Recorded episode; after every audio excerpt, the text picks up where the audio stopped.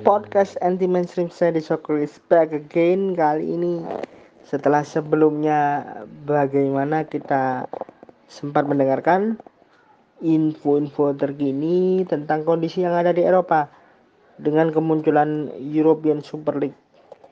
Tapi kali ini Nomo ingin membawakan info mengenai perubahan format yang ada di Liga Champions yang berlaku mulai musim 2024-2025 seperti apa perubahan formatnya? Nah, selengkapnya ada di sini. Di podcast and the mainstream Sandy Soccer.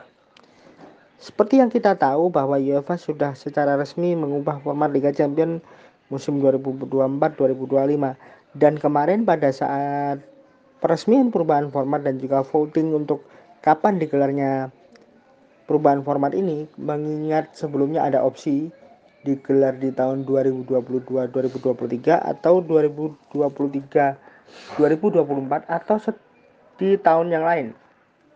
Dalam voting itu disepakati bahwa musim 2024-2025 lah waktu yang tepat untuk merubah format Liga Champions. Dan di momen-momen itu ada satu orang yang sebenarnya pernah diundang untuk penjajakan pembentukan European Super Liga. Orang itu adalah Nasser Al-Khelaifi yang merupakan bos dari PSG atau Paris Saint-Germain. Format baru Liga Champions akan berubah karena jumlah tim juga akan bertambah dari 32 menjadi 36. Perubahan terbesar akan terlihat di transformasi dari babak grup tradisional 4 tim dibagi ke dalam 8 grup berbeda menjadi babak grup dengan semua tim masuk ke dalam klasmen tunggal yang ada di sana. Jadi bentuknya seperti overall standing karena 36 klub ini akan masuk secara keseluruhan dalam satu table, satu tabel. Setiap klub sekarang akan dijamin memainkan 10 game babak liga melawan 10 lawan yang berbeda 5 pertandingan home dan 5 sisanya adalah away. Ini berbeda jauh dengan saat ini di mana 6 game melawan 3 klub dimainkan secara home maupun away. Klub yang finish di top 8, 8 besar klasmen umum atau 8 besar overall standing akan langsung otomatis advances ke knockout dan yang lainnya posisi 9 sampai 24 akan bermain di fase playoff yang berlangsung dua leg dan pemenang yang menyusul 8 klub yang sebelumnya sudah advances.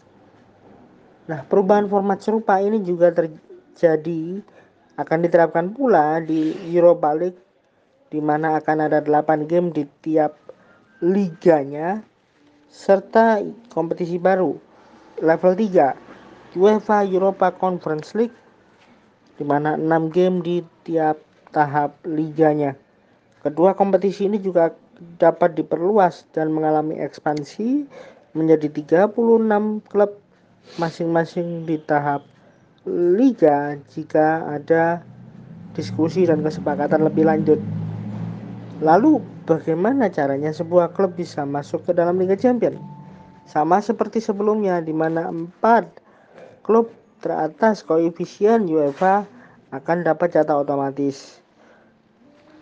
Klub-klub seperti Premier League, La Liga, dan Bundesliga akan otomatis lolos ke Liga Champions. Karena mereka saat ini ada di posisi 4 besar koefisien. Lalu bagaimana dengan posisi 5? Saat ini posisi 5 koefisien ditempati Ligue 1 mereka kini mendapatkan jatah tiga tim yang langsung otomatis lolos ke Liga Champions. Sebelumnya hanya dua. Satu lagi akan diberikan kepada juara domestik dengan menambah dari empat menjadi lima jumlah klub yang lolos melalui apa yang disebut Champions Path atau jalur champion.